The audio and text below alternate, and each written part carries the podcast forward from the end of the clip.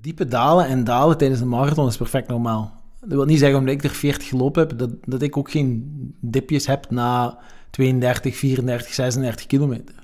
Ehm, ik heb ook al momenten gehad waar dat ik ook op 30 kilometer en zelfs nog niet zo lang geleden eens op 26 kilometer gedacht van ik ga nooit in die finish geraken.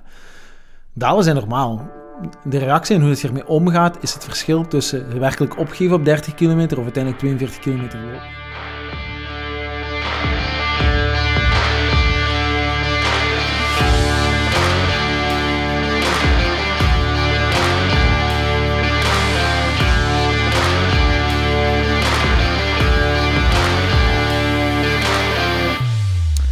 Hoe een mentale oefening tijdens een marathon ook perfect naar het echte leven kan vertaald worden. Dalen zijn perfect normaal. De vraag is alleen hoe we daar dan mee omgaan. Zo oud als mijn herinneringen zijn, zo lang heb ik dezelfde superhelden: Batman, Iron Man, Captain America, om er maar een paar te noemen. Eentje daarvan kwam nooit op tv, toch niet in spandex en een cape. Zijn naam is Stefano en niet toevallig ook Bassi. Mijn broer, vriend en net zoals mij ook uitvinder van soms nogal impulsieve persoonlijke doelen. Hij doet heel veel speciale dingen in de wereld van IT en hoewel ik nog altijd niet goed begrijp wat hij daar precies doet, doet hij dat blijkbaar bijzonder goed. We hebben het ook zo meteen even over de punten en comma's in de bankensector en het laatste nieuwe goud e-commerce. Een job die heel veel tijd en energie vraagt, maar dan vindt hij daarnaast ook nog eens de tijd om te werken aan een persoonlijk doel over de lange afstand. Hij noemt het zelf zijn 40 before 40 en het zijn eigenlijk 40 marathons die hij loopt voordat hij 40 jaar wordt. Voor mensen die daar enigszins aan twijfelen, dat zijn belachelijk veel kilometers en dat is een mentale krachtoefening waar geen kilometer van mag onderschat worden. Soms gebeuren er heel mooie dingen als er twee mensen met elkaar praten en dat kunnen evengoed mensen zijn die in het gewone leven ook dicht bij elkaar staan. Iedereen herinnert zich wel minstens één gesprek met een familielid of een vriend waar er opeens een puzzel lijkt te vallen in ons hoofd. Die dingen moeten we niet ver gaan zoeken. We moeten alleen in gesprek gaan met iemand en dan zien wat er gebeurt. We gaan er nu gewoon aan beginnen. Een ervaren marathonloper over de pracht en de kwaaltjes die voor, tijdens en na een marathon voorbij kunnen komen lopen. Er zit iets in voor de beginnende loper, maar ook voor de veteraan. Trek die loopschoenen aan, geniet van uw training. Hij zorgt ondertussen voor de goede raad. Eigenlijk doen we het vandaag met de tantekaart van de Belgische marathon, Stefano Bassi.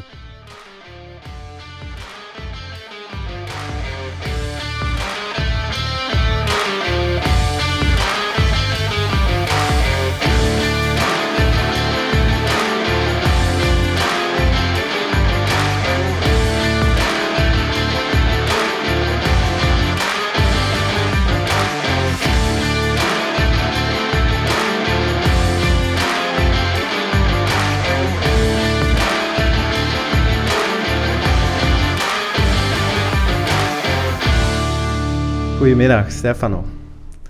Um, wij zijn, ja, ik, ga u, ik ga u even proberen voorstellen. Wij zijn gewoon broers. Um, en dat is ook niet voor te lachen of zo. We zijn echt biologische broers van elkaar. En ik uh, vond het voor een project dat ik probeer van de grond te krijgen wel belangrijk om, uh, ja, om ook eens uw verhaal daarin te integreren. Waarom is dat voor mij belangrijk? Um, je bent met een aantal uh, projecten bezig die denk ik wel voor verschillende mensen ja, iets of wat van inspiratie kunnen betekenen of motiverend kunnen werken. En ik wou je daar heel graag eens over horen.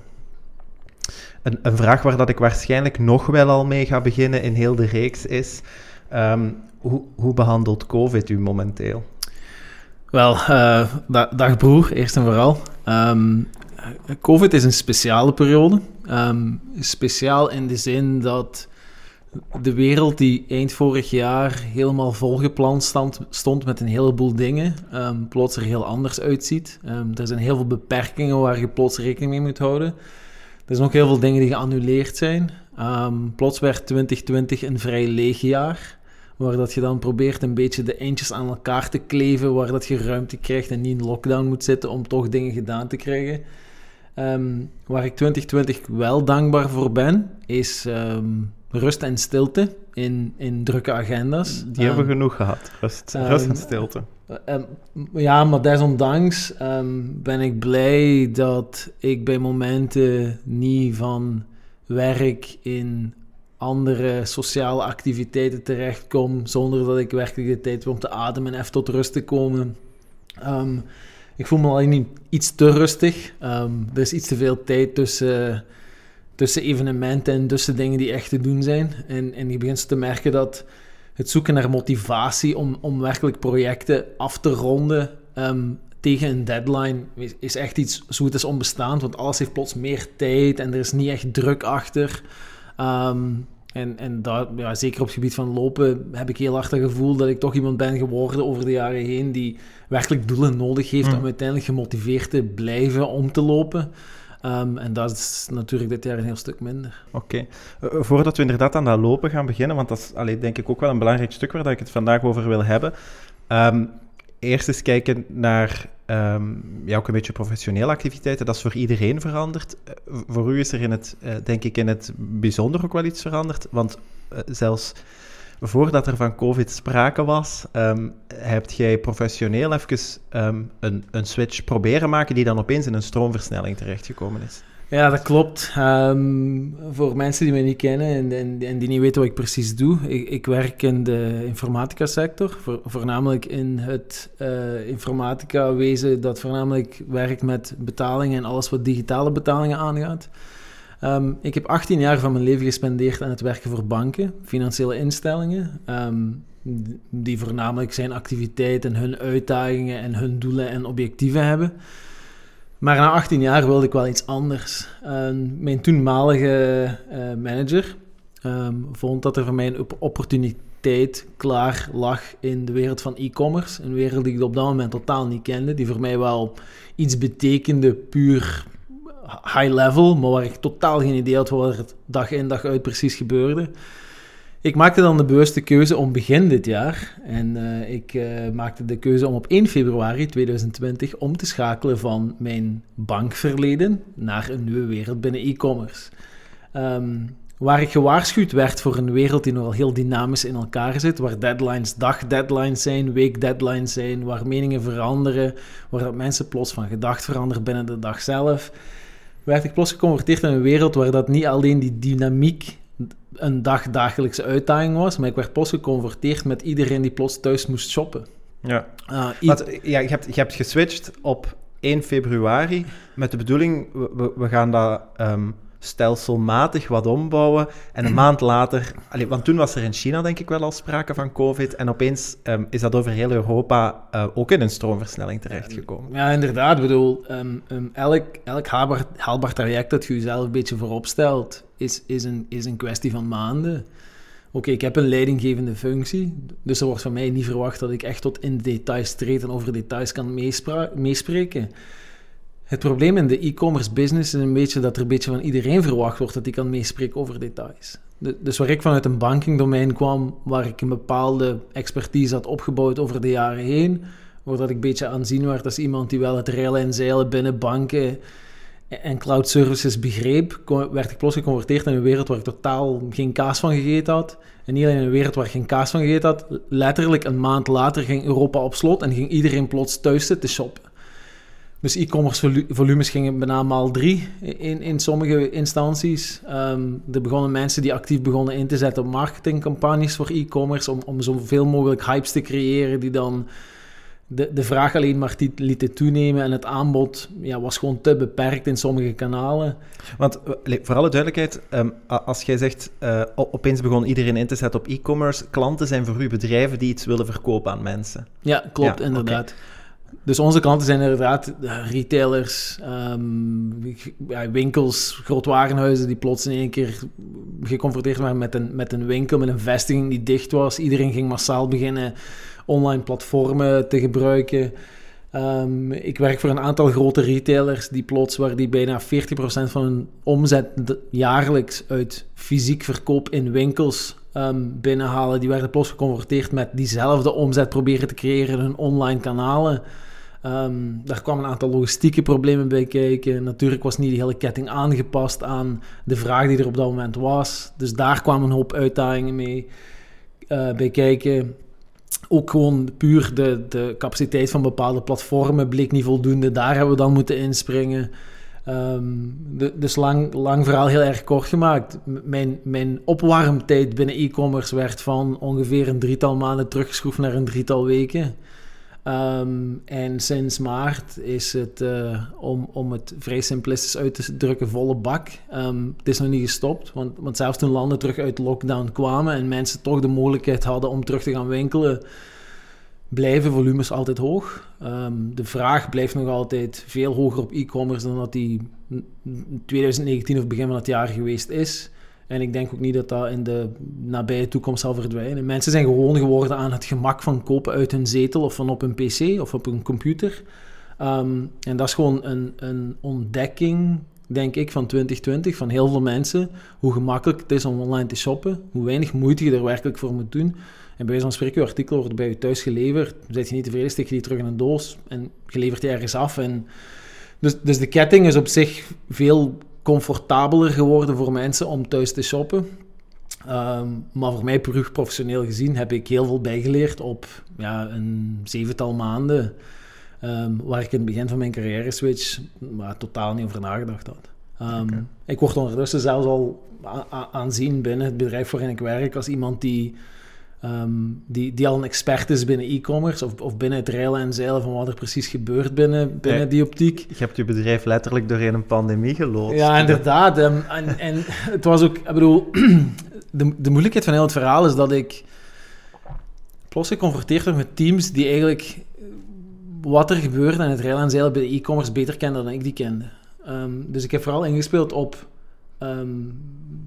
mensen oprecht verantwoordelijk te houden voor ehm, en ook de vrijheid te geven om gewoon een bepaalde lijn uit te tekenen. En als mij die lijn puur logisch leek, en die was pragmatisch haalbaar, want ik kan u verzekeren, de eerste vier weken van lockdown en e-commerce volumes die omhoog gingen, was pragmatisme het enige wat we op dat moment konden doen om te overleven. Want er ligt geen draaiboek klaar waar dat heel de wereld op slot gaat en iedereen plots... Maar ik kan, ik kan me wel voorstellen dat veel bedrijven waren daar klaar voor, of, of niet. Ik merk toch ook in de, in de...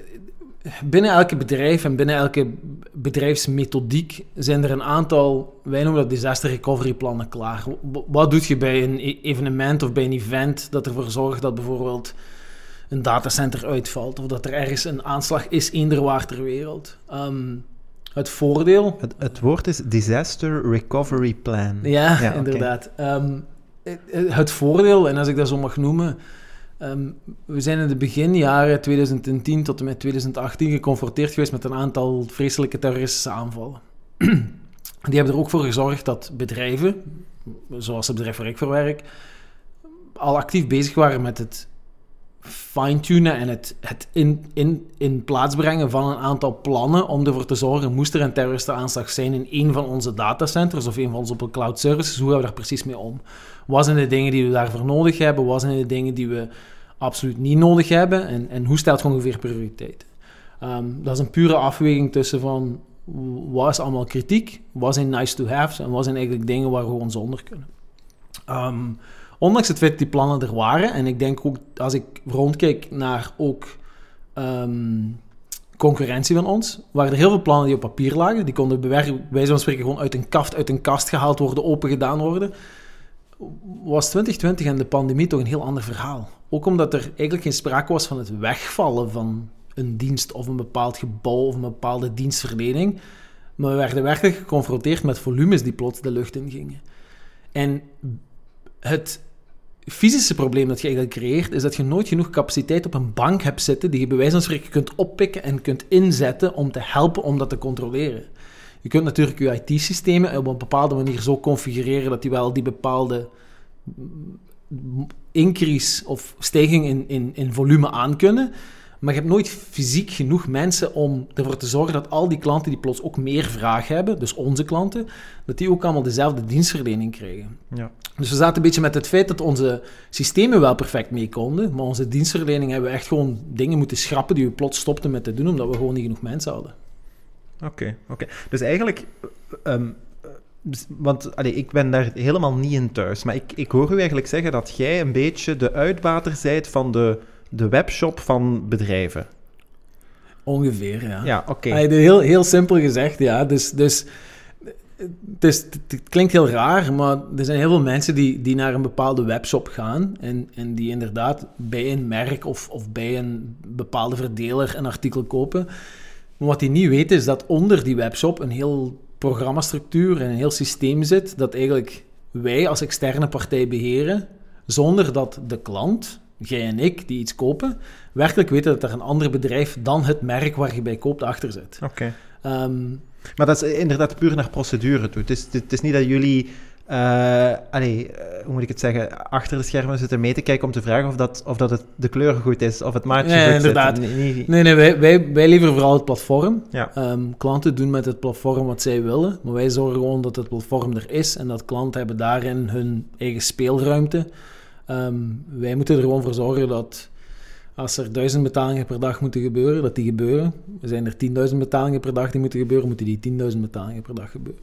Um, dat, dat, is een beetje onze rol in, in heel het verhaal. Ook de end-to-end ketting van shopper zijn de consument naar financiële instelling. Want daar zit ook nog een heel verhaal tussen van hoe dat u ik zeg maar iets, uw t-shirt of trui die je wilt kopen op een webshop, hoe dat uiteindelijk uw financiële instelling gaat zeggen van ja, die persoon heeft geld genoeg om die trui of t-shirt te kopen, dus je mocht dat order afwerken.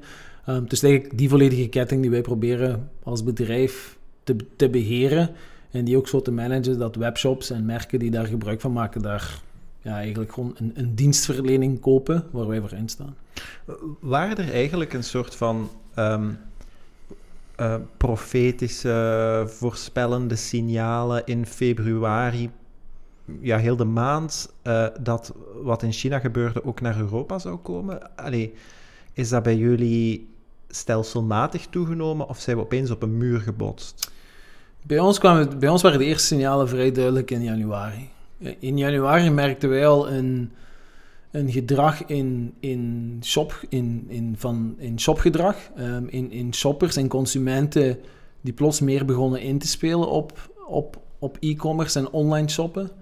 Um, toen werkelijk de eerste signalen bekend geraakten dat in Italië het in januari en begin februari al de verkeerde kant uitging, merkte ik toch dat er een bepaalde angst al zichtbaar was ehm, binnen de e-commerce wereld. We, we, zagen plots volumes licht naar boven gaan, waar wij zoiets van hadden van, hm, er is eigenlijk geen specifieke trend. Meestal ga je naar trends op zoek. Is er een bepaalde uitverkoop? Is er een bepaalde korting of, of sales event waar we rekening moeten houden? En dat was er niet. Ehm, maar, maar, we zagen al lichtjes bepaalde volumes naar boven gaan. Dus onze eerste waarschuwing was er eigenlijk al in januari. Maar dat wij zoiets hadden van oké, we zien volumes naar boven gaan.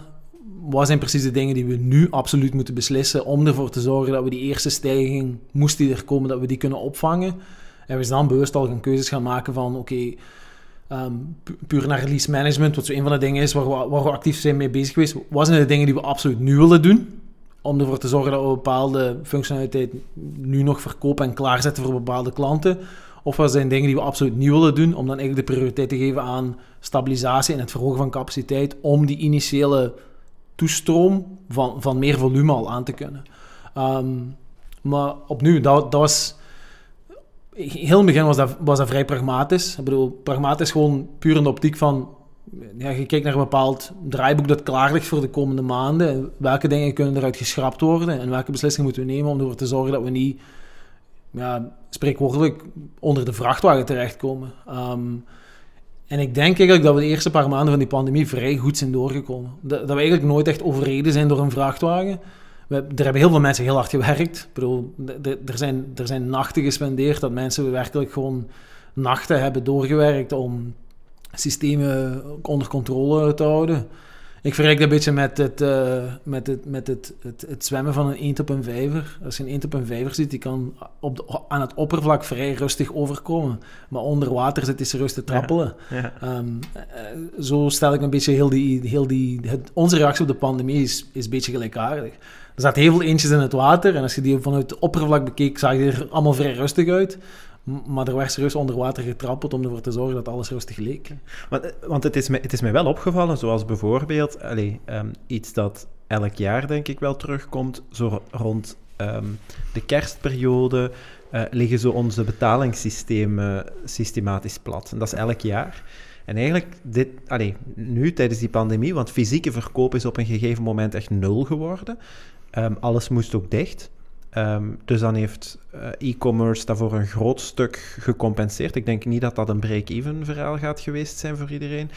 Ehm, maar op zich is dat... Allee, er zijn geen grote mm, incidenten of meldingen geweest waardoor dat opeens iets uh, stilgelegen heeft. Er zijn er, er, zijn er geen um, grootschalige geweest. Het grote verschil met, met, met een fysiek card present systeem, waar werkelijk iemand in de winkel staat met zijn kaart in zijn handen en een werkelijk een pincode moet ingeven, is dat je een soort van bottleneck creëert. Want al die betalingen, al die, gelijk wij in België kennen, bankcontact, Mr. Cash systemen, moeten eigenlijk allemaal door dezelfde tunnel. Als die tunnel op een gegeven moment komt vast te zitten, of die tunnel heeft een probleem, heeft iedereen daar last van.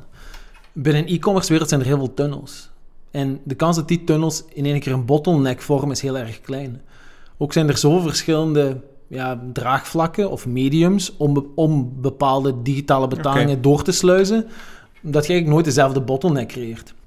Nu, ik ga niet zeggen dat er geen incidenten geweest zijn. Er zijn zeker incidenten geweest.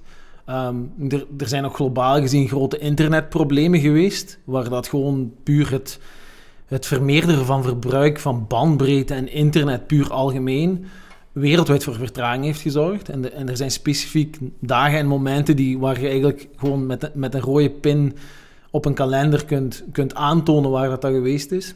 Maar ja, ieder, iedereen moest ook opeens video Ja, inderdaad. Ja, de, bedoel, de, de, de, de, beperkingen van het internet um, zijn langs de ene kant toonbaar geworden. Want iedereen ging plots videocalls doen, iedereen ging Netflix binge-watchen. En, en er zijn een aantal systemen die echt onder druk zijn komen te staan. Langs de andere kant ben ik zwaar onder de indruk over hoe dynamisch internetproviders daarmee zijn omgegaan. Um, want er zijn echt nooit echt problemen geweest bij bijvoorbeeld ja, de, de, de, de providers die wij in België kennen, Proximus, Telenet. Er zijn lokaal een aantal problemen geweest, omdat er plots in een straat iedereen begon te downloaden of iedereen begon Netflix te kijken. Maar er zijn nationaal gezien nooit echt grote problemen geweest. Dus ik ben echt wel onder de indruk over, over de infrastructuur die wij toch in België hebben waar dat heel veel over geklaagd wordt. Maar als je uiteindelijk ziet dat wij van begin maart eigenlijk zo goed als allemaal thuis werken, thuis zitten, ehm, dat er heel veel internetbandbreedte gebruikt wordt, heeft onze instructuur toch vrij goed stand gehouden. Oké.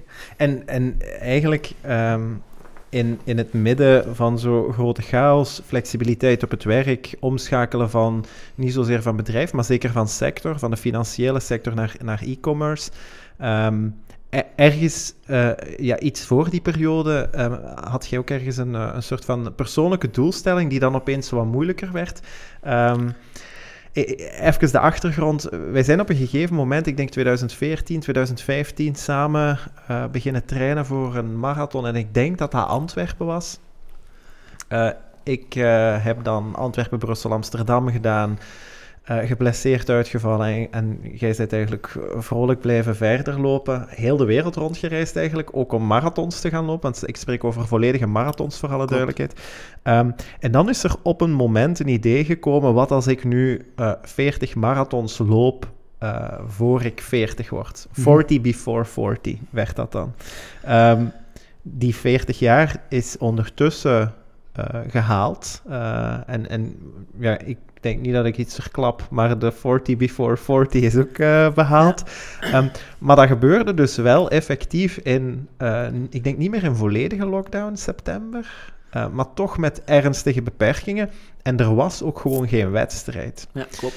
Um, ja, vertel eens, hoe, hoe is het? Allee, want ik kan me inbeelden dat daar ook wel wat flexibiliteit voor de dag is moeten gelegd worden. Ja, inderdaad. En, en voor alle duidelijkheid en eerlijkheid, toen ik aan dit verhaal begon, of, of aan het objectief begon om effectief 40 marathons te lopen voor ik 40 werd. Hoeveel, hoeveel had je er op het moment dat je het besliste, misschien moet ik dat eens doen, hoeveel had je er toen gelopen? Toen, ik, ik denk dat ik net boven de 30 marathons toen zat. Okay. En, en, eigenlijk is het besef vrij laat in het verhaal gekomen.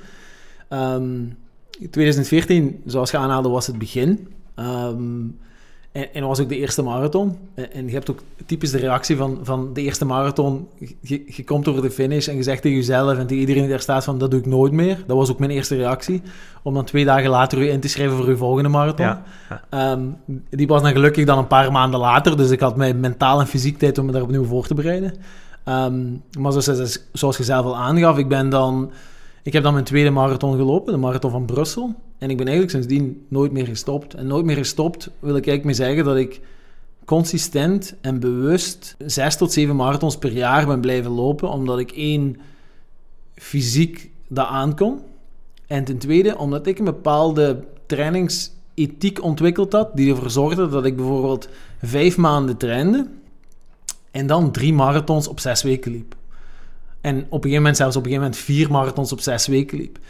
En bij gevolg ja, gaat die teller nog wel vrij snel omhoog. Maar het was werkelijk pas tot voorbij 30, ik denk zelfs marathon 32, dat ik eigenlijk besefte van als ik aan hetzelfde tempo zou blijven doorlopen, dat ik werkelijk 40 marathons voor mijn 40ste zou lopen. En, en dat was plots zo'n een, een doel waar dat ja, heel veel voor is moeten schuiven. De- er zijn werkelijk vakanties verplaatst omdat er dan een marathon Ja, in, in ja. mijn agenda en in mijn schema paste. Ehm, ik ben ook naar het buitenland getrokken, omdat bewust in een bepaalde periode dat er bijvoorbeeld in België geen marathon te vinden was, om dan ergens naartoe te gaan en een citytrip te combineren met een marathon lopen. Want to- tot aan, allee, zeker tot aan 32, en, en allee, de rest wil ik ook wel horen, het gaat allemaal over effectief officiële wedstrijden. Hè? Ja, Niet zomaar klopt. in de wijk, eh, Ja. 42 kilometer, eh, maar echt wedstrijden zoeken. Ik denk op elk continent ook wel. Is er een continent waar je geen marathon geloopt? Ik heb in Oceanië er geen gelopen. Oké. Ehm, dus ik, ik ben nooit in Australië, Nieuw-Zeeland heb ik nooit een marathon gelopen. Ehm, en in Latijns-Amerika heb ik spijtig genoeg ook nooit een marathon gelopen. Ehm, maar eh, voor de rest van de wereld heb ik, eh, heb ik zo goed als overal een marathon gelopen. Ehm, sommige iets uitdagender dan de andere. En eh, zelfs tot en met marathon 35 waren allemaal officiële wedstrijden.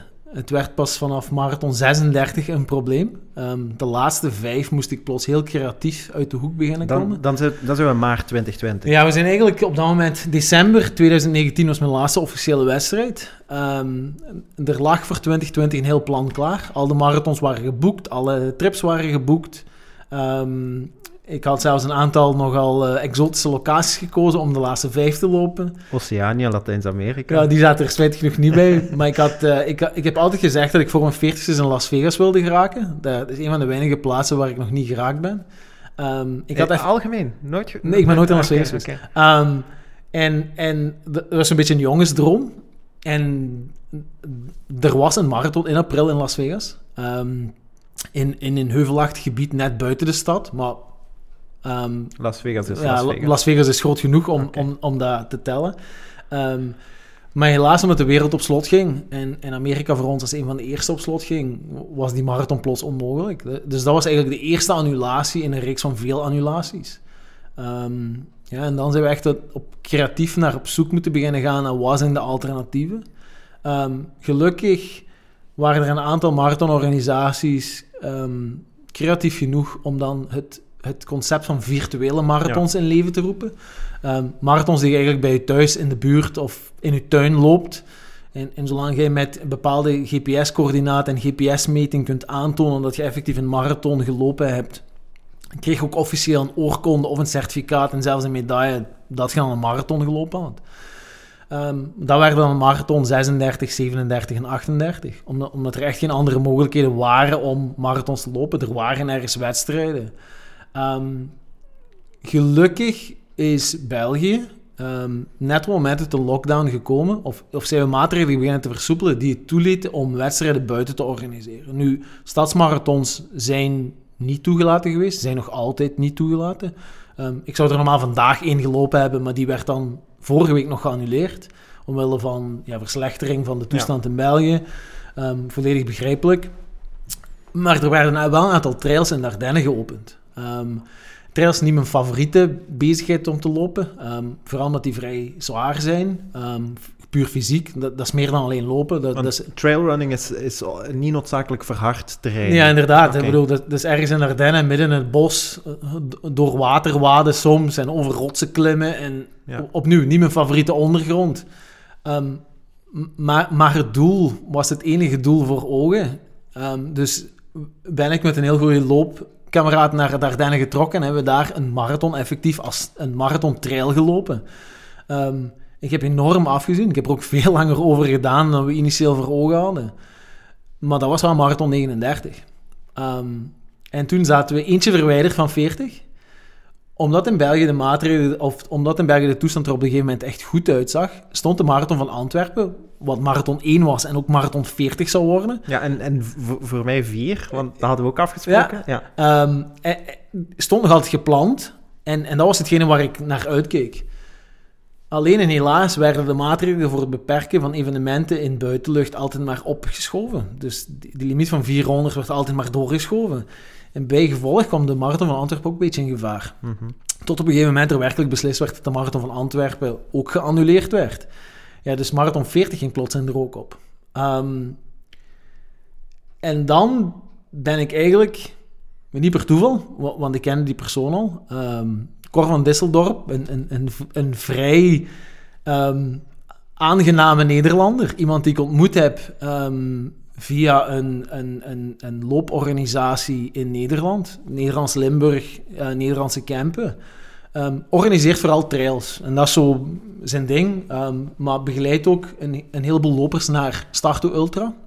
Met mensen die eigenlijk vinden dat marathon niet ver genoeg is en die willen dan verder lopen. Ja, die, die bestaan. Die ja, bestaan. die bestaan ook. Um, die kende ik en die pikte op een gegeven moment een sociale media post van mij op waar ik eigenlijk de, aankondigde dat de marathon van Antwerpen niet doorging, dat marathon 40 niet zou doorgaan.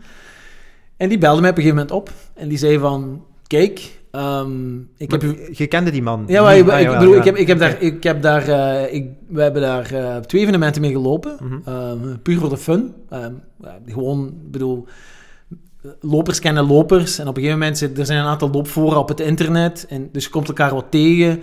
Um, en, en er is zo'n soort van band gecreëerd tussen mensen die nogal um, goed zijn met taal en die bepaald gevoel voor humor en muziek hebben. Dus op een gegeven moment klitten bepaalde mensen samen binnen een bepaalde loopwereld. Um, dus wij zijn er een aantal evenementen al gaan lopen, twee of drie jaar, of twee jaar geleden. Um, puur als experiment, gewoon met, met, met drie lopers, gewoon goed gezelschap, met, met, een, met een pintje achteraf gingen we lopen. zo hebben we Cor leren kennen. Maar Cor belde mij op een dag werkelijk op en die zei van... Uh, Stefano, ik ga u helpen. En uh, ik uh, snapte eerst niet goed wat de bedoeling was. Um, maar dan zei Cor van, ik heb een wedstrijd die ik organiseer in september um, in Nederland. Ik heb er eigenlijk geen marathonafstand voorzien. Maar wat we gaan doen, we gaan voor u een marathonafstand organiseren. En dan kun je toch nog een 40ste marathon lopen. Um, dus werkelijk werd er een wedstrijd zo goed als voor mij gecreëerd om mijn 40ste marathon toch door te laten gaan voor mijn 40ste verjaardag. En ik heb dus mijn 40ste marathon gelopen, twee weken voor mijn 40ste verjaardag, in Nederland. Specifiek georganiseerd voor mij, um, door ondertussen een loopvriend. die het vond dat hij iets goeds wilde doen. En hij wilde mij helpen om mijn doel te bereiken. Um, en bij gevolg ben ik zo geslaagd in mijn doel. Eh, ik denk dat dat score er niet geweest was en dat aanbod er niet gekomen was, dat ik opnieuw naar virtuele opties moet zoeken. Um, maar het gevoel dat ik had dat ik eigenlijk in een officiële wedstrijd, of in een wedstrijd, in een georganiseerde context, toch mijn eerste marathon kon lopen. Dat gaf een, gaf, een, gaf een gevoel van voldoening dat ik niet zo gehad heb in een virtuele marathon. Um, want, want de marathon is een marathon, maar het gevoel hebben van een wedstrijd te lopen is toch altijd anders dan hier, bij wijze van spreken, 40 rondjes rond de blok lopen. Ja. Ja. Ehm, dat, dat, is gewoon een heel ander gevoel. Ja, ja want, allee, ik was inderdaad aan het trainen voor, voor marathon nummer 4. En um, zolang het idee nog bestond dat de marathon in Antwerpen doorging, had ik ook geen moeite om motivatie te vinden om bijvoorbeeld te trainen. Uh, geen haar op mijn hoofd dat eraan twijfelde of ik al of niet zou gaan lopen. Allee, je weet dat je daarvoor gaat, je hebt een wedstrijd, ik weet hoe een wedstrijd voelt. Um, en dat is een heel ander gevoel dan. Uh, want bij mij is ook echt.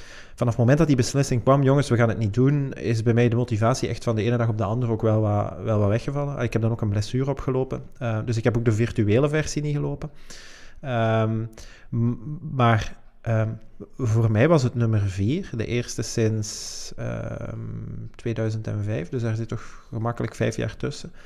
Ehm, en ik merkte nu ook al tijdens mijn eh, trainingen, ehm, ik had mij nog kunnen opladen voor vier. Maar dan weet ik niet of vijf ook al nog even plezant ging zijn. Mhm. Eh, het, is, het is ook wel pittig trainen. Hè? Ik bedoel, ehm 50, 60, misschien 70 kilometer per week lopen. Ehm, het was nu, ja, en dat is het fijn, het was in de zomer. Mhm. Ehm, maar zo bijvoorbeeld in het najaar of in het voorjaar met veel regen, koude temperaturen. Ehm, wat dan voor mij nog altijd het moeilijkste is, ook al, ook al heb ik allee, echt wel heel wat kilometers gelopen, ehm, is het moment dat ik moet beslissen om mijn schoenen aan te doen. Dat is al, nog altijd eh, het moeilijkste. Eens, eens je de deur uit bent en je bent een kilometer aan het lopen, allee, dan, dan loop je er inderdaad 20. Eh, ik kan me inbeelden dat na, na 40 marathons, ehm, ja, is het nog zo het, gevoel van voldaan te zijn, is dat nog altijd eh, zoals, zoals ik dat bijvoorbeeld zou voelen na drie of vier? Of verandert dat? Ik, ik ben heel erg fier als ik een marathon uitloop. En, en het gevoel van fierheid overstijgt eigenlijk de moeite die ik daarvoor moet doen om uiteindelijk mij toch te overtuigen om elke dag, of zo goed als elke dag, mijn loopschoenen aan te doen. Ehm, ik kan enorm genieten van marathon als een afstand. En dat is ook eigenlijk de reden waarom ik, ondanks de ambitie die ik ooit gehad heb om verder dan een marathon te lopen, en ik heb ook een aantal keren mezelf uitgedaagd om een afstand te lopen verder dan een marathon, grijp ik altijd terug naar de marathon. En, en de reden waarom ik dat doe, is omdat ik een beetje de marathon als thuis aanvoel. Voor mij is dat zo gekend, en ik heb ondertussen genoeg ervaring in het lopen van die marathons, dat er zo'n beetje zo'n comfortabel gevoel geworden is, dat het voor mij gewoon ja, heel, heel, heel thuis aanvoelt. En bij gevolg, elke marathon die ik loop, ben ik heel fier dat ik die marathon loop en kan, kijk ik al uit naar de volgende keer dat ik datzelfde gevoel kan hebben. Ehm, ik, ik beschrijf het soms als een soort van verslaving. En het is ook heel gek dat ik... En, en dat is zo goed als elke marathon. En ik heb dat eigenlijk in heel veel lange afstandloopjes. De eerste drie kilometer zijn voor mij echt moeilijk. En, en moeilijk dat ik precies zo moeilijk op gang kom. Precies of ik er ook zo mentaal niet helemaal bij ben om, om werkelijk die lange afstand te lopen. Één keer als ik die drie kilometer voorbij ben, een soort van 15 minuten opwarming, dan gaat het echt vlot. En, en hoe langer ik loop, hoe vlotter dat gaat. En ik merk dat gewoon dat in, in marathons is het net hetzelfde. Ik kan soms echt afzien de eerste 20, ki- 21 kilometer, maar één keer die 21 kilometer voorbij wordt het precies voor mij gemakkelijker om die afstand te lopen. Ehm, en ik blijf het gewoon een geweldig gevoel vinden. Ik bedoel, ik kijk altijd uit naar de laatste kilometer. Dat is echt gewoon gek. Ik bedoel, ehm, er zijn mensen die daar, die er in het begin zwaar tegen opzien om die laatste kilometer in te gaan, omdat je dan al 41 kilometer in de benen hebt. Ik kijk echt uit naar de laatste kilometer. Ik vind de laatste kilometer een van de leukste kilometers die er zijn in een marathon. Oké. Om, omdat je dan zo'n bepaald gevoel creëert dat je... Ja, dat is, dat is eigenlijk een soort van gevoel van onoverwinnelijkheid. Omdat, opnieuw, een marathonloop is niet iedereen gegeven. Er, er gaat heel veel voorbereiding aan vooraf om uiteindelijk die afstand te kunnen lopen. Dus ik vind dat je dat ook werkelijk in die laatste kilometer moet vieren. Je moet dat in u- uzelf moet je gewoon oppeppen om dat gevoel te creëren dat je iets gedaan hebt wat eigenlijk niet veel mensen doen. Oké. Ja, ik begin meestal rond kilometer 30 al afscheid te nemen van de marathon eh, en mezelf te vertellen dat ik dit nooit meer doe en het is niet meer fijn en het is veel te zwaar en ehm, dan, dan wil ik aankomen. Ook omdat vanaf, ja, vanaf kilometer 30 is het een beetje onbekend terrein. Hè? Niemand traint verder dan 30 kilometer. Ehm, ik heb dat ooit wel eens gedaan, maar ehm, het is een beetje op, eh, op hoop en dromen eh, van, vanaf kilometer 30. En dan is ja, 12 kilometer best nog wel een eind. Het wedstrijdgegeven helpt wel, omdat in die laatste 12 kilometer het meeste volk staat vaak ook. Ehm, zijn er zo bepaalde zaken... ehm, ik heb, ik heb ehm, bijvoorbeeld Koen Naert, de marathonman, ooit horen zeggen... Mij helpt het als ik een moeilijk moment heb om mezelf zo een, een, een eh, mantra te blijven herhalen. En eh, ja, mijn mantra is dus: ik wil dit niet meer en ik wil naar huis. Dat helpt niet. Ehm, maar zijn er zo bepaalde dingen, bepaalde ja, kleine ja, bezigheden die, die jij u voorhoudt om het, om het iets gemakkelijker te laten gaan? Of net niet? Wilt je heel erg hier en nu zijn? Wel, er zijn een aantal dingen die ik doe. Ehm, e- eerst en vooral, eh, eh, diepe dalen en dalen tijdens een marathon is perfect normaal. Dat wil niet zeggen, omdat ik er 40 gelopen heb, dat, dat ik ook geen dipjes heb na 32, 34, 36 kilometer. Ehm, ik heb ook al momenten gehad waar dat ik ook op 30 kilometer en zelfs nog niet zo lang geleden eens op 26 kilometer gedacht van ik ga nooit in die finish geraken. Dalen zijn normaal. De reactie en hoe het ermee omgaat is het verschil tussen werkelijk opgeven op 30 kilometer of uiteindelijk 42 kilometer lopen. En er zijn een aantal tactieken die ik over de jaren gebruikt heb en die waren eerst heel erg simpel. Bijvoorbeeld tel alle gele patches die je tegenkomt. Um, heel, dat klinkt heel dom, ehm, maar, maar dat helpt effectief om je gedachten weg te krijgen van pijn. Ehm, of, of, van het, of van het dipje waar dat je op dat moment in zit. over de jaren heb ik geleerd mijn marathon puur qua afstand anders in te delen. Ik loop niet meer naar de finish, ik loop van bevoorrading naar bevoorrading. soms staan bevoorradingen 2,5 kilometer van elkaar. Of, of drangstanden 2,5 kilometer van elkaar. Je hebt er ook waar dat 5 kilometer van elkaar staat. Maar 2,5 kilometer in je hoofd is veel gemakkelijker dan ineens nog 12 kilometer in je hoofd overbruggen. Ehm, het gevoel van tijd is plots een heel ander gevoel van tijd. Ehm, wat ik ook al gebruikt heb, is zoek iemand die ongeveer het tempo loopt wat jij op dat moment aan kunt en blijf gewoon samen. Ik, bedoel, ik zie heel veel mensen afzien in een marathon. En waarom lopen die af? Waarom zien die af? Die, die steken zichzelf in isolement. Die gaan alleen lopen. Die gaan proberen zelf uit een dal te kruipen. Terwijl het soms veel gemakkelijker is om iemand op te zoeken. Ik bedoel, iedereen heeft uiteindelijk hetzelfde doel. Iedereen wil op, op een gegeven moment die finish van die marathon halen. Als je dan iemand vindt in een marathon die op dat moment even hard moet moeite doen om er te geraken dan uzelf, loop gewoon samen. Praat gewoon vijf minuten met elkaar en gaat, ik kan u verzekeren, je voelt u allebei plots een pak beter en gaat uiteindelijk allebei de finish halen. Je gaat dat dipje herinneren, maar je zit wel eens of vier dat je die finish gehaald hebt. Mhm, dus dat probeer ik ook al te doen. Ik bedoel, Ehm, de laatste marathon die ik liep, in, in, of de, de marathon die ik liep in 2019 in Singapore, in omstandigheden die geweldig zwaar zijn, want het is 33 graden en de vochtigheid ligt daar zo hoog dat zelfs bij vetersbinden je werkelijk al begint te zweten. Ehm, en de laatste vijf kilometer had ik echt moeite. Ehm, ik, ik had moeite met het feit dat ik niet genoeg water gedronken had. Het was ondertussen ook enorm warm. En op het juiste moment kom ik een Engelsman tegen die het even moeilijk had. Ehm, en wij zijn eigenlijk zo goed als de laatste vijf kilometer gewoon samen naar de finish getrokken. En de laatste 500 meter hebben we elkaar zelfs nog uitgedaagd om er een spurtje uit te trekken.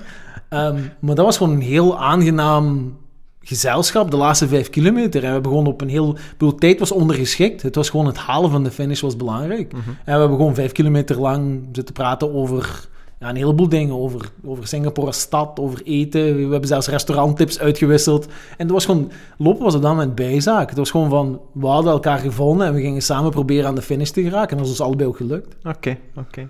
Ehm, ik weet niet of dat jij ooit al, um, want je hebt nu 40 marathons gelopen. Uh, ik heb gisteren uitgeteld hoeveel kilometer dat is, weet je dat? Ik heb eigenlijk geen idee. Oké. Ehm, ik heb gisteren uitgeteld dat 40 marathons lopen 1687,80 kilometer is. En omdat ik dat dan wel heel interessant vond, ben ik ook eens gaan kijken welke stad... Ik heb, ik heb Hasselt genomen als referentie. Mm Sint-Petersburg is de afstand die dan... Uh, um, voor, voor mensen die niet heel goed weten waar Sint-Petersburg ligt, dat ligt in Rusland. Um, maar om daar te geraken um, gaat je dus van uh, België uh, via Duitsland, Polen, Litouwen, Letland, Estland, uh, Rusland binnen. En dan ligt daar in het noorden um, Sint-Petersburg. Mensen die het liever een beetje warmer hebben, um, het, is, het, is, het is ook tot in, tot in Tanger, Marokko. dus dat is heel Frankrijk en Spanje door. en dan de straat van Gibraltar in één sessie. Uh, maar ik zou niet vogelvlucht, vogelvlucht wel. Um, ik denk, ah ja, als je de, de geëffende paden, maar je zit nu toch een getrainde trailrunner ook. Dus in principe zou vogelvlucht nog wel kunnen. Um, maar dat is een hele afstand. Um, en als je. Uh, want ja, dat is natuurlijk de marathon alleen. de, de training heb ik dan niet meegeteld, omdat dat voor iedereen ook een beetje verschilt. maar dat is waarschijnlijk de wereld wel al eens rond. Of overdrijf ik dan? Ik, ik ben er dus uh, um, alles samengeteld. Um, sinds 2014. En dat is, dat is werkelijk de periode dat ik mijn horloge heb aangeschaft met, met een, met een GPS-connectie die dan alles netjes bijhoudt. En er zijn, er zijn hopen tools ondertussen die u zeggen wat uw afstand per jaar is en, en hoe ver en hoe lang en wat is uw hartslag en hoe, hoe is uw stapritme. En Um, zit ondertussen al uh, anderhalve keer de wereld. Um, dus ik, ik, ben, ik ben de wereldbol um, alles, alles, alles rond. Ehm, je zit bijna voor de tweede keer thuis. ja, ik ben voor de, bijna voor de tweede keer thuis. Ehm, ik, ik maak heel veel kilometers. Ehm, en, en ik heb er bewust ook gekozen om veel kilometers te maken als een soort van gewenning, in, in plaats van heel veel intervaltraining te doen. Ehm, ik, ik ben niet zo iemand die graag op een looppiste traint, wat ik nog altijd het meest gemakkelijk vind om intervaltraining te doen, omdat je daar gewoon perfect kunt weten hoe ver 200 meter is, zonder dat je van bom tot bom moet tellen.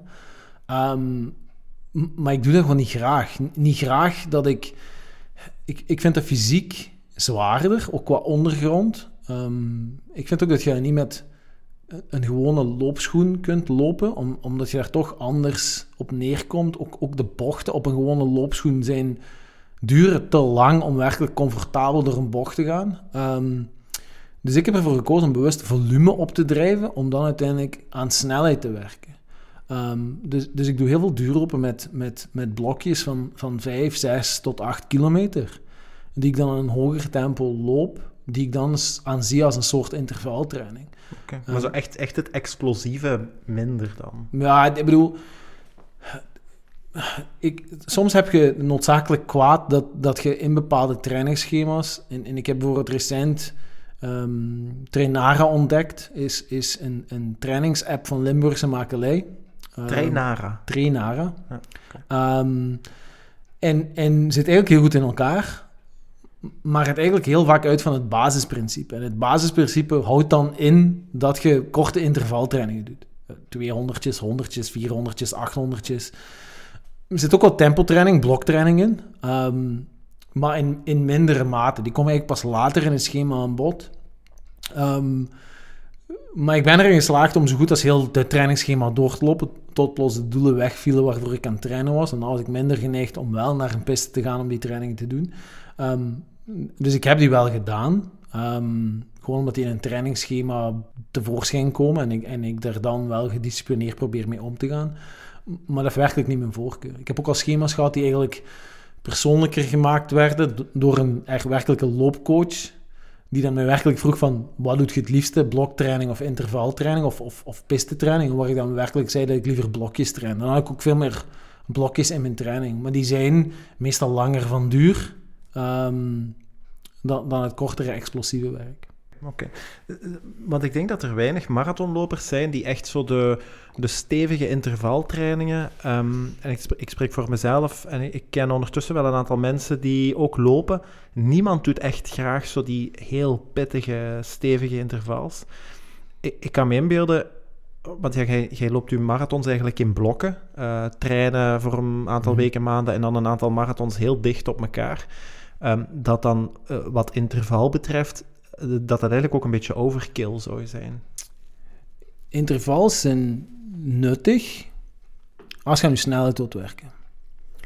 Als je een bepaald doel hebt en je wil bijvoorbeeld je, je, persoonlijk record verbeteren of je hebt een ambitie om een marathon een bepaalde snelheid te lopen, denk ik niet dat je zonder explosief intervalwerk kunt. Ehm, en, en de reden daarvoor is heel simpel. Je gaat constant je bovengrens wegduwen. Dus het eigenlijk ervoor zorgen dat jij een bepaalde inspanning langer aan kunt aan een bepaalde snelheid. En daarvoor zijn die intervals wel nuttig. Ehm, gelijk, ik ben er in, in mijn loopcarrière, als ik dat zo mag noemen, twee keer in geslaagd om een marathon onder de drie uur te lopen. Ehm, Wat, wat is, wat is bijvoorbeeld, ja, stel dat er nu iemand zegt, oké, ja, 40 marathons is goed. Ehm, ik ga ehm eh, Stefano proberen achterna te gaan. Eh, ik, ik ga er ook 40 lopen, maar ik wil ook een betere tijd. Wat zou dan eh, een goede een goede doel zijn, een goed doel? Goh, ik, ik, ik vind het heel moeilijk te vergelijken, want iedereen heeft een andere, eerst maar al sportachtergrond. Iedereen heeft ook een andere agenda. Ehm, ik heb heel veel respect voor mensen die er toch in slagen om bijvoorbeeld elke dag 5 of 10 kilometer te lopen en die uiteindelijk zo opbouwen naar een marathonafstand. Ehm, mensen die bewust zeggen van, ja, ik heb gewoon de tijd niet, maar ik wil toch een bepaalde marathon lopen. Ik, ik vind tijd een beetje ondergeschikt en ik vind tijd vooral een heel persoonlijk doel. Eh, Ik heb er heel veel moeite mee. En, en ik, ik schuw ook bewust lopers die puur specifiek alleen met tijdsdoelen op sociale media of zo proberen zichzelf te koop te stellen. Ehm, om daarmee een gesprek aan te gaan, want die gaat altijd over tijd. Dat, gaat nooit over lopen als, als algemeen doel of Mhm. lopen als onderdeel van een gezond bestaan. Ja. Dat gaat vooral lopen van ik wil zo snel mogelijk lopen en ik wil die afstand in zo snel mogelijke tijd. Ik bedoel, ehm, ik, ik vind een marathon onder de vier uur vind ik echt al knap. I- Ja. ieder- Iedereen die een marathon onder de vier uur kan lopen, vind ik echt al chapeau. Ehm, hoe sneller je die loopt, prima. Heb je echt ambitie om met de top 500 van België te lopen, ja, dan is ongeveer eh, 2 uur 55 ongeveer uw doel. Ehm, ik heb de top 500 niet gehaald. Ik ben er net buiten terechtgekomen in Met? 2018. Met? Met twee? ja, 2,59,36. Oké. Ehm, maar die 2,59,36 is hard voor getraind. En, en daar heb ik wel een aantal keer op de piste gestaan. Ehm, ik heb zelfs ehm, halve marathons op een piste gelopen. Gewoon puur karaktertraining. Ehm tempoblokjes lopen op een piste van een kilometer. Dat 21 kilometer aan een stuk. Ik kan je verzekeren, na 21 kilometer pistetraining heb je de piste gezien. Dan wil je Ja. die ook een week niet zien. Ja. Ehm, maar dat is voornamelijk als je op snelheid traint. Ik bedoel, ik ken lopers en er zijn ook een aantal mensen die, die, waar ik al regelmatig mee gelopen heb, die dat gewoon op openbare weg trainen. Maar ik vind het gewoon puur, mij persoonlijk, vind ik dat gemakkelijker op een piste. En, en dan zou ik ook, als ik werkelijk een snelheidsdoel heb, of objectief heb, dan ga ik die ook liever op een piste lopen. Maar ik zeg opnieuw, ik bedoel, er moet niemand sneller als mij worden. Iedereen moet gewoon zijn eigen niche vinden binnen het lopen en gewoon zijn eigen persoonlijke doelen stellen. Ik bedoel, ik zie heel veel mensen die beginnen aan het complexe gebeuren van een marathon te willen lopen. En die gaan al zeggen op voorhand, ik wil de marathon in 3 uur 30 lopen. Probeer eerst 10 kilometer te lopen. Ja. Zie, zie hoe je dat bevalt. Ga dan naar 16 kilometer. Zie hoe je daaruit komt. En bouw stelselmatig op. Ja. Ik bedoel, in een trainingsschema van vier maanden je al voorop gaan stellen van ik ga een marathon op 3 uur 30 lopen. Het is heel weinig lopers gegeven. En de meesten die uiteindelijk toch de moeite doen, gaan zich overbelasten, komen in blessures terecht, gaan zichzelf zo demotiveren uiteindelijk, omdat er toch wel enigszins hard moet getraind worden. Je moet er ook een bepaalde discipline voor hebben om constant door die trainingen te gaan. Heel veel mensen hebben een druk leven, een druk bestaan. Dus er zijn opofferingen naar gezin, naar werk, naar sociale contacten die er allemaal bij komen kijken.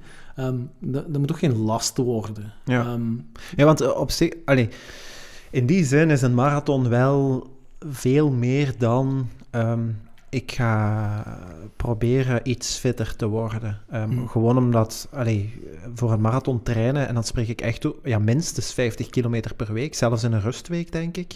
Ehm, Ja. ehm, maanden aan een stuk. Dus daar moeten dingen voor schuiven. Ja, er zijn andere dingen die daarbij inschieten. Het is sowieso al moeilijk om het te combineren met, ik zeg maar, een voltijdse job, een gezin en daarnaast of s'avonds of s morgens heel vroeg nog gaan lopen. Ehm, de, de eerste marathon is vooral inderdaad belangrijk, loop die uit. Eh, Mhm. Ik denk dat, ehm, omdat dat ook iets toont over de mate waarin dat je in staat bent om je agenda ernaar te schikken. Ja. Ehm, eh, enfin, er zijn ook video's te vinden van mensen die marathons lopen zonder enige training. Die bestaan Ja. ook. Eh, dus dat kan. En dan is inderdaad, denk ik wel, allee, want ja, iedereen die een beetje sportief slash competitief is aangelegd, gaat dan op een gegeven moment wel zijn tijd willen verbeteren. De, de drie uur is een soort van magische grens, want ik weet dat jij daar heel bewust voor getraind hebt en, en daar zijt je nu. Ehm, om een marathon te winnen, ja, dan zitten we in de regionen van twee uur, denk ik. Het wereldrecord is nu één... één ja, net en- boven de twee uur. Net Het boven. officiële wereldrecord is net boven de twee uur. Oké.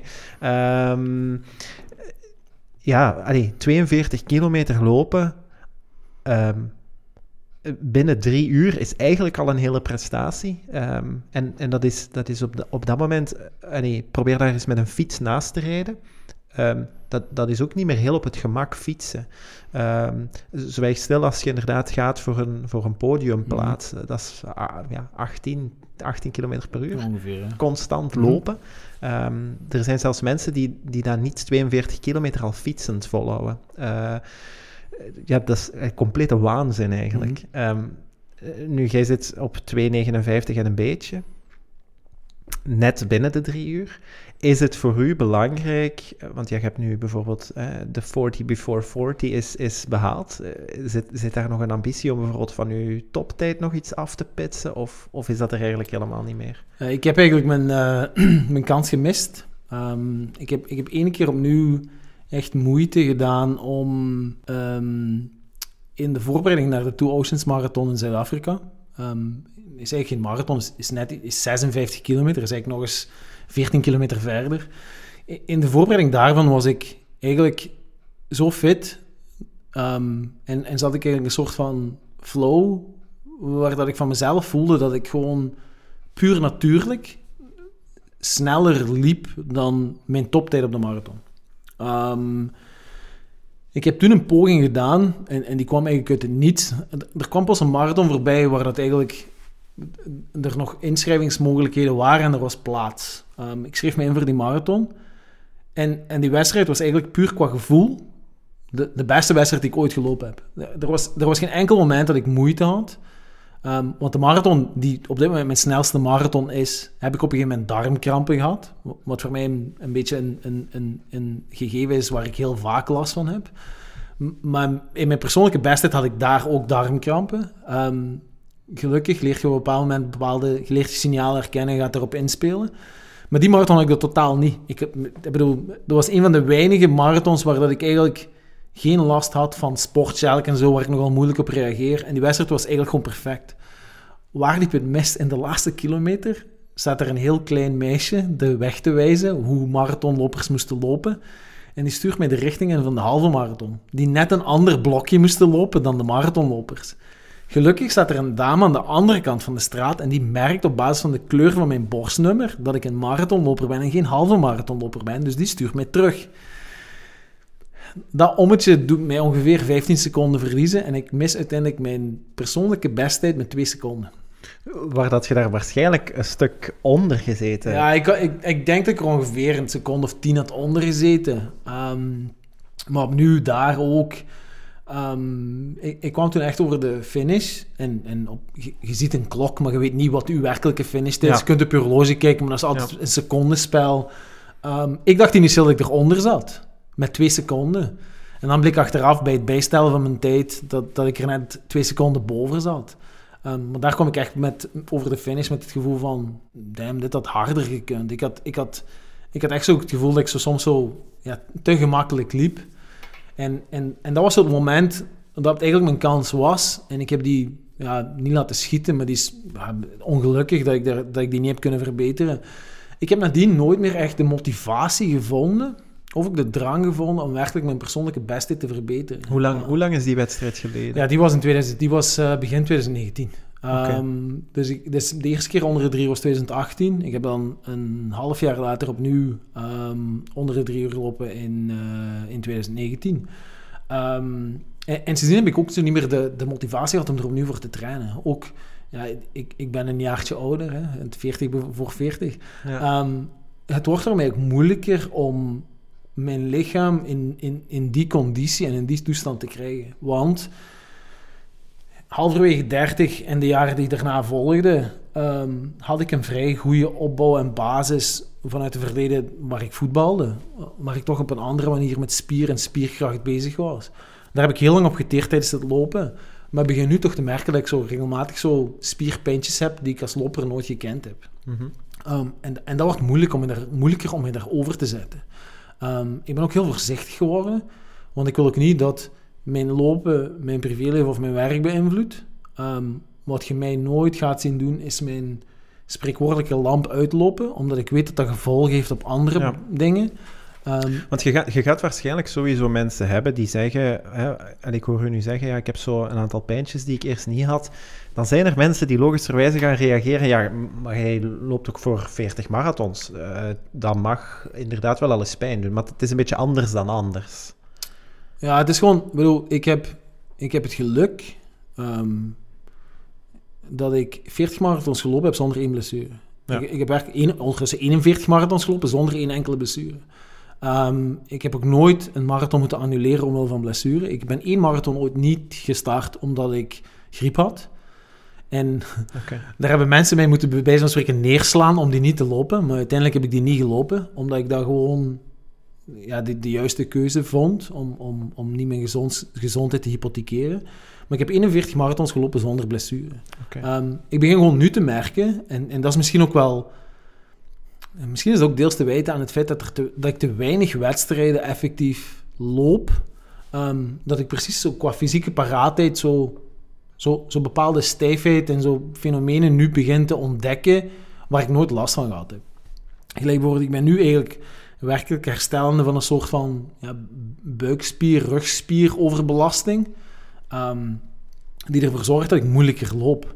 Ehm, ik ben nu zo'n beetje aan het einde van die tunnel te geraken. Maar dat heeft puur mee te maken, omwille van het feit dat er geen doelen waren, gaat je bepaalde trainingscapaciteit naar beneden drukken. Want je kunt niet op hetzelfde niveau een heel jaar blijven trainen. Oké, er zijn mensen die dat kunnen, maar, dat is heel erg moeilijk. Ehm, dus ik heb een bepaalde trainingscapaciteit gereduceerd na- naar een minimum. Maar als je dan buiten de lijntjes gaat kleuren in een loopje, ja, dan heb je daar wel enigszins last van. Nu, ik ben ervan overtuigd dat ik wel terug een normaal niveau ga bereiken in een, binnen een maand of misschien twee maanden. Ehm, ik moet nu gewoon even heel voorzichtig omgaan met belasting, zeker belasting op duur. Ehm, ik denk nu, als ik anderhalf uur tot twee uur kan lopen, dat er mij ongeveer het maximum is. Gewoon omdat ik die spieren nog wel wat respect en rust wil gunnen, nu dat die nog in hun opbouw zitten. Ehm, maar eens als we daar terug voorbij zijn en, en, die spieren zijn opnieuw terug sterk genoeg om werkelijk te zeggen van oké, we gaan nu de belasting opdrijven, dat ik dan wel vrij snel opnieuw aan, eh, aan, aan lange avonturen ga beginnen. Oké, want dat was inderdaad... Allee, zo, ehm, je hebt nu de 40 before 40 gehaald. Het zijn er ondertussen 41, anderhalve keer de wereld rond, ongeveer, eh, bij, bij benadering. Ehm, je hebt je marathon gelopen onder de drie uur. Je hebt er eigenlijk meerdere gelopen onder de drie uur ondertussen. Je, ja, uw, uw tijd zal nu ongeveer altijd rond die drie uur ergens zitten, neem ik aan. Hangt van het doel af, de omstandigheid en hoe dat ik van die marathon wil genieten. Ja, oké. Gelijk, gelijk er zijn steden, gelijk, ehm, er zijn steden en plaatsen, als ik daar een marathon ga lopen, dan, dan weet ik op voorhand, ik ga hier niet voor de tijd lopen. Gelijk bijvoorbeeld, ik heb het genoeg gehad om een marathon in Tokio te lopen. Ik was nog nooit in Japan geweest. Japan was zo'n soort van jongensdroom. Iedereen die ooit richting Azië trekt, wil wel ooit eens in Japan komen. Ehm, ik had de mogelijkheid en de kans om in, om in Japan een marathon te lopen. Geen haar in mijn hoofd die daar de bedoeling had om die marathon zo snel mogelijk te lopen. Ik wilde genieten van Tokio als stad en de mensen en de dingen waar je langs liep. En dus die marathon begint gewoon met een heel andere insteek. Ik bedoel, ik ben die marathon lachend over de streep gekomen. Er zijn, er zijn foto's van mij over de finish waar dat ik aan het lachen en naar mensen aan het wuiven ben. Gewoon omdat dat zo'n leuke ervaring is. En dat hangt echt af van, van, van welke marathon ik loop en, en waar ik precies ben, ehm, hoe dat ik die marathon aanvat. Er zijn specifiek marathons waar ik op voorhand zeg van hier gaan we nog eens zo hard mogelijk proberen te lopen. Ook omdat misschien de omgeving en de andere lopers rondom u met diezelfde doelstelling naar daar gaan. Bijvoorbeeld de marathon van Ber- Berlijn is zo'n goed voorbeeld. Iedereen kiest de marathon van Berlijn, of heel veel lopers kiezen de marathon van Berlijn om zo snel mogelijk die te lopen, omdat het een van de snelste marathons ter wereld is. Dus je komt ook een bepaalde cultuur of gevoel terecht waar dat iedereen het absoluut het beste van zichzelf wil geven. Je gaat erin mee, dus je gaat een snelle marathon lopen. Maar dat is voor mij niet altijd een gegeven dat ik een snelle marathon Oké. loop. Want wat er, is, er is trouwens nog één, één bereikt doel, eh, allee, per ongeluk of bewust. Ehm, maar er is in de marathonwereld, er zijn, zo, de- zijn dat de vijf grote marathons? Of, De eh, zes. De zes? Hoe noemen ze dat? De- De majors, ja. Oké, en die heb je alle zes gelopen? Nee, ik, eh, ik, de bedoeling was dat in 2020 ik het verhaal zou afronden met eh, Londen als de laatste van de zes. Mhm. Londen werd helaas geannuleerd in april en verhuisde naar oktober. Mhm.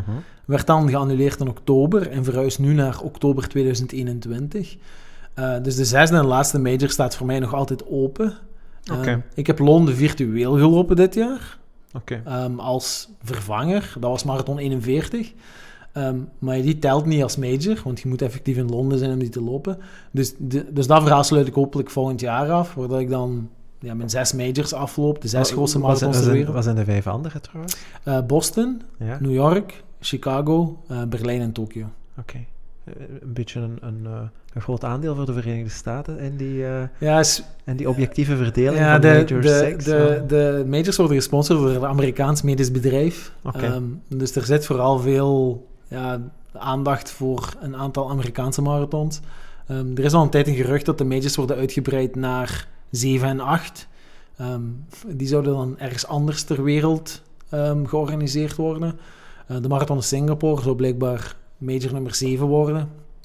Ehm, maar die moeten aan een aantal eisen voldoen waar die nog altijd niet aan voldaan hebben. Ja, ja, dit jaar zijn er geen marathons, Ja, dus dat zal wel opschuiven. En dan was er de achtste zou in China zijn. Ehm, maar omwille van ja, de gekende gezondheidsproblematiek daar is daar ook niet echt Ze hebben daar in de zaak gekomen. last, last van bepaalde dingen. Ja, ehm, dus ja, dat is gewoon wachten. Maar op dit moment zijn er nog zes. Maar inderdaad, er- de, de, de grootste zijn op dit moment in de Verenigde Staten. Maar ik ben ervan overtuigd dat uiteindelijk puur commercieel gezien... dat wordt uitgebreid naar andere delen Oké. van de wereld. Eh, Hangt daar trouwens iets aan vast? Lopers die dan de, alle, alle zes lopen? Ja, je krijgt een speciale medaille. Ehm, Oké. je, je wordt een soort van six-star member. Ehm, er zijn op dit moment, ik denk, net iets meer dan 100 Belgen die uiteindelijk alle zes de majors hebben uitgelopen. Ehm, dus je, komt op, je krijgt een speciaal certificaat en een speciale medaille dat dan ehm, gebruikt wordt om een bepaalde status uzelf aan te meten als te zijnde van ik heb zes marathon of die grote zes marathons gelopen. Ehm, dus ja, dat is, dat is eigenlijk het enige speciale dat eraan vasthangt. Ja, en voornamelijk persoonlijke eer. Ehm, Ja. Voor mij blijven die zes heel speciale marathons. Ja, het, is ook, het is ook denk ik omdat dat... hoe moet ik het zeggen? Stel dat ik op een gegeven moment denk, oké, ik ga voordat ik 40 jaar word snel eh, die zes grote marathons lopen, maar zo simpel is dat niet. Je moet je daar ook voor kwalificeren en zo. Het is, het is niet dat iedereen zich daarvoor kan inschrijven en, en gewoon lopen. Er, er is eigenlijk maar één waar je moet effectief voor moet kwalificeren. En dat is de marathon in Boston. Ehm, alhoewel de laatste jaren blijkbaar de marathon van Boston ook vrij open staat voor ehm, lopers die via een bepaalde reisorganisatie ehm, lopen, toch in Boston kunnen terechtkomen. Of via een goed doel. Als je geld ophaalt voor een goed doel, kun je daar altijd terecht. Ehm, ik heb Boston gelopen als zijn kwalificatieloper, omdat ik een kwalificatietijd had gelopen. Er bestaat geen andere vorm van loterij voor Boston. Dus Boston is het ofwel kwalificatie, goede doel of reisorganisatie. De vijf andere marathons hebben loterij. Je schrijft je er eigenlijk in. Al de namen gaan in een trommel, die worden uiteindelijk gelood. En als uw naam eruit komt, mocht je die lopen. Komt uw naam er niet uit, ja, dan moet je nu volgend jaar inschrijven. Ehm, ik heb ik, eigenlijk van de vijf die ik gelopen heb, heb ik, ben ik twee keer via de loterij ehm gelood. Berlijn en Tokio ben ik via de loterij uitgekomen. Ehm, New York heb ik gelopen via een reisorganisatie. En Boston en Chicago heb ik me twee keer gekwalificeerd via tijd. Omdat ik snel genoeg was om dan een soort van VIP-ticket te krijgen voor die marathons. Ehm, dus ja, het hangt er een beetje van af van hoe dat je precies ermee omgaat. Ik, ik ken iemand, ehm, ni- niet persoonlijk, maar in, in, in een sociale media groep op Facebook, ehm, waar een heleboel lopers zitten. Ik ken iemand die de zes matches op één jaar gelopen heeft. Die via een reisorganisatie besliste in het begin van het jaar, ik loop die alle zes op één jaar. Ehm, die, die zijn ook bijvoorbeeld werkelijk op een gegeven moment van Boston naar Londen gevlogen, omdat de marathon in Boston op maandag was en de marathon in Londen op zondag was.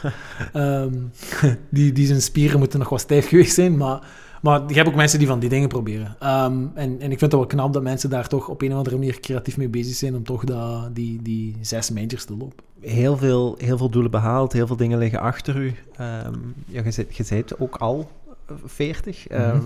Dus goed dat die, dat die dingen behaald zijn. Z- zijn er zo nog zaken die, die nog voor u liggen? Nog concrete doelen die, die je per se wilt behalen? Be- behalve dan, want ja, je gaat volgend jaar proberen naar Londen te gaan als, als de wereld het toestaat. Maar stel, je behaalt die zes en, en dan? Ja, er zijn voornamelijk... ik heb een soort van marathon bucketlist.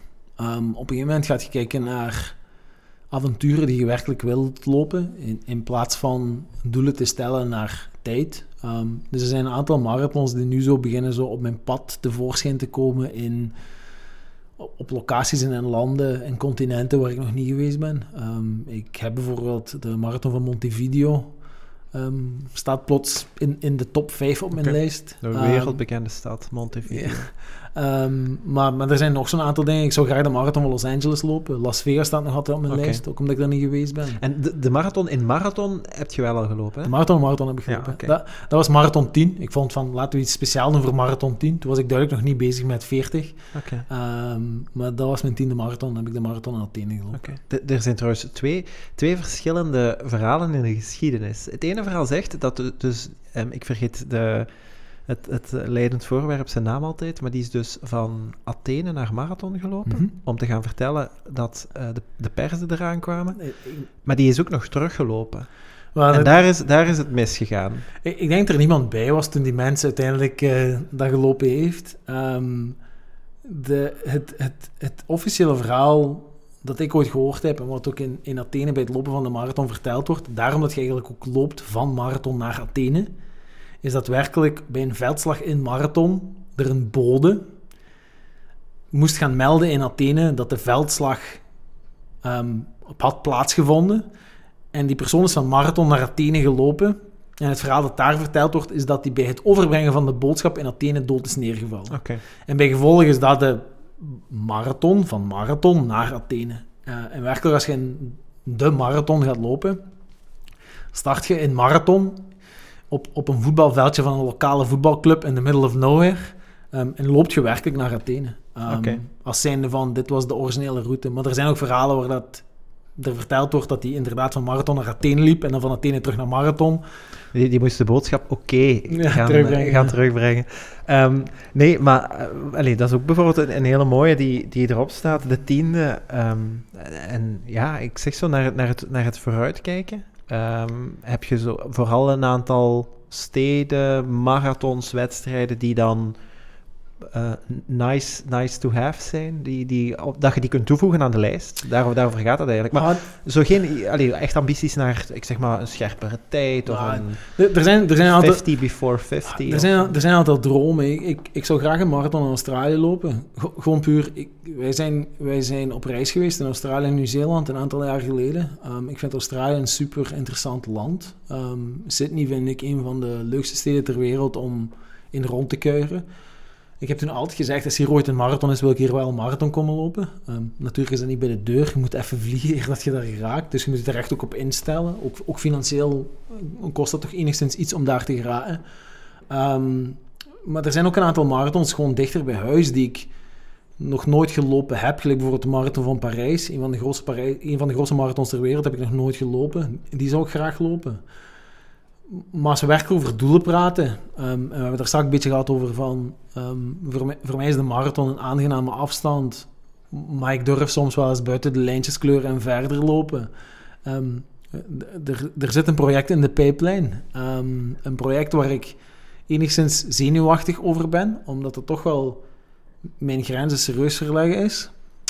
Maar er is in het Verenigd Koninkrijk elk jaar een wedstrijd die in juni plaatsvindt, die eigenlijk van Carlisle naar Newcastle loopt. En, en afstand is. wel, dat zal ik u dadelijk vertellen. Ehm, je, je volgt eigenlijk een oude Romeinse muur. En, en die oude Romeinse muur was er eigenlijk gebouwd om ehm, als, als fysieke grens tussen het Romeinse Rijk en, en het, en het Noord-Britse of het, of het Keltische Rijk aan te tonen. Er bestaat dus een wedstrijd waar je die muur eigenlijk afloopt. Je volgt gewoon het pad van de muur. En die wedstrijd is 107 kilometer lang. Oké. Ehm, je hebt 26 uur om die te lopen. Ehm, wat naar gezien normale snelheid en omstandigheden wel vrij comfortabel is. Ehm, ik heb bijvoorbeeld de dodentocht gewandeld op net geen 18,5 uur. Dus ik bedoel, die 107 kilometer zou ik in principe ook al wandelend kunnen doen. De bedoeling is toch om die al lopend te doen. Ehm, maar dat is zoiets waar we... Dat is zo'n project waar we zo actief aan het denken zijn. Ehm, ik mezelf dan en iemand waar ik regelmatig mee ga lopen en ook regelmatig mee train. Omdat dat zo een, soort, een beetje een soort van idyllisch iets is. Dat is, dat is zoiets in een bepaalde context, in een bepaalde vorm van geschiedenis, die toch een bepaalde uitdaging is, zeker voor mij. Ehm, omdat ik eigenlijk nog nooit boven de 100 kilometer gegaan ben. 80 kilometer is mijn langste afstand die ik ooit gelopen heb.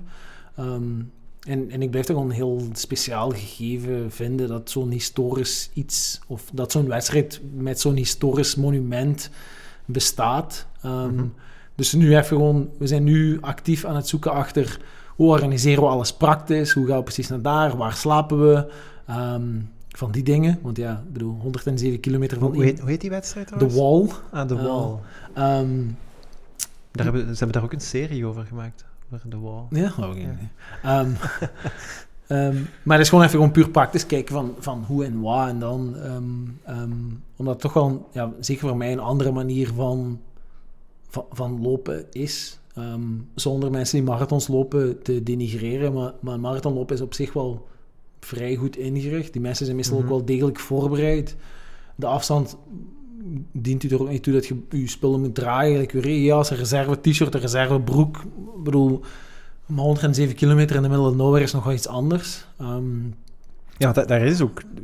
Hoe zit dat met voorzieningen? en ja, zo? om de Dat- 26 kilometer kom je een bevoorradingspost tegen. Ehm, maar eh, die wedstrijd staat bekend over om de vier seizoenen in één wedstrijd. Ehm, dus het kan goed zijn dat je daar in één keer natte sneeuw krijgt. Of is hagel en dan is regen en dan opnieuw 25 graden. Ehm, dus dat gebied waar je doorloopt is, is zo uitgebreid en is, en is zo verschillend in klimaat omwille van stijgingen en dalingen. ehm, dat, dat je er werkelijk alles van weer kunt tegenkomen. Dus je moet echt op alles voorzien zijn. De, de lijst van, van, van verplichte spullen die je moet meenemen is, is sowieso al een rugzak van 10 kilo die je moet meedragen. Ehm, dus dat wordt op zich voor mij wel een, een doel in 2022, niet in 2021. Oké. Ehm, in 2022 waar ik nu al naar uitkijk en waar ik gewoon, ik denk zo goed als heel 2021 ehm, voor ga moeten trainen. Ik wil me echt voldoende tijd geven om daar klaar voor te geraken. Ja. Ehm, gewoon puur fysiek. Ehm, en, en marathon zal dan dienen als een soort van trainingsvorm om je toch klaar te krijgen voor die afstand. Eh, wat dan me helpt om 42 en 43 en 44 ehm, nog te lopen. Maar dat is zeker zo'n doel dat, ik, dat niks op zich met marathons te maken heeft, maar gewoon een beetje mijn, mijn, mijn eigen grens verleggen. Ehm, maar, maar daar stopt het dan ook voor mij. Ik, ik zeg dat nu wel, dat, dat het daar stopt. Bedoel, Je weet nooit wat erna komt. Ehm, maar dat is iets wat ik al lang een beetje op mijn bucketlist heb staan. Ehm, en dat dan hopelijk in 2022 ook werkelijkheid wordt. Oké. Ik heb, ik heb u een heel goed boek gegeven over een ultrarunner trouwens. Daar staan heel veel goede tips in voor zo van die dingen. Want ik denk dat hij zelfs, nog voordat hij een marathon gelopen heeft, een, een ultraloop, die is daarmee gestart ook. Eh, wel een aantal goede tips. Ehm, nee, goed. Ehm, ik, ik denk dat we voor, voor vandaag in elk geval gaan afronden. Het zou heel fijn zijn eigenlijk als we zo binnenkort nog eens hetzelfde kunnen doen. Misschien iets specifiek rond lopen of sporten of Hm. herstellen of ehm, niet zomaar advies aannemen van jonge meisjes tijdens een marathonwedstrijd om, daaruit, om daar iets uit te leren. Maar voorlopig heb ik genoeg. Ik weet niet of dat jij nog eh, de grote doen of wilt doen of zo aan iemand. Eh, ik niet per se, maar... Nou, ik ook niet precies. Er is zo niemand waar ik de groet aan wil doen. Nee. Ehm, Oké, ehm, dan, gaan we het, eh, dan gaan we het hierbij laten. Heel veel succes met, ik denk 2021, want in 20 gaat er niet meer veel eh, gebeuren. in 20 staat er op dit moment eh, niks op de planning. Er is één nog wel interessante wedstrijd waar, we wel, waar ik wel voor ingeschreven ben. Die noemt de DICE, ehm, de dobbelsteen. Oké. Ehm, dat is gewoon eigenlijk puur als een soort van persoonlijke uitdaging begonnen. Met, Mhm. met, met twee loopmakkers. Eén heel goede vriend trouwens ondertussen.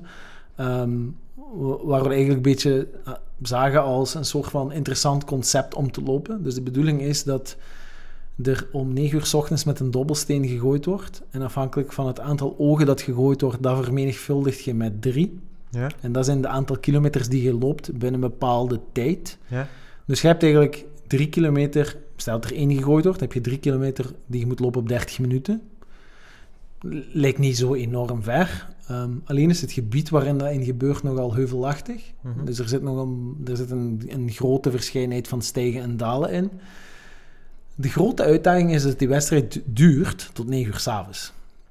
Dus elk half uur of uur, afhankelijk van de afstand die je moet lopen, wordt er opnieuw met een dobbelsteen gegooid. En die wedstrijd blijft lopen tot de laatste teerling geworpen wordt om 9 uur. Maar stel dat om 9 uur 6 gegooid wordt, mocht je om 9 uur nog vertrekken voor 18 kilometer. In het donker. Want die wedstrijd is in december, ehm, net over de Nederlandse grens. Die staat nog gepland. Ehm, het is alleen een beetje twijfelachtig of het op dit moment zou doorgaan. Oké. Dus met een, met een klein beetje pech eh, viert jij nieuwjaar ergens in een bos met een koplamp. Ja, ergens. En die batterij gaan zeker niet zo lang mee. Ehm, het is niet om u heel bang te maken, maar er zijn, eh, er zijn terug wolven eh, in het land. Nee, goed, we gaan afronden. Ehm train heel goed, herstel veel beter. Ehm, en tot binnenkort.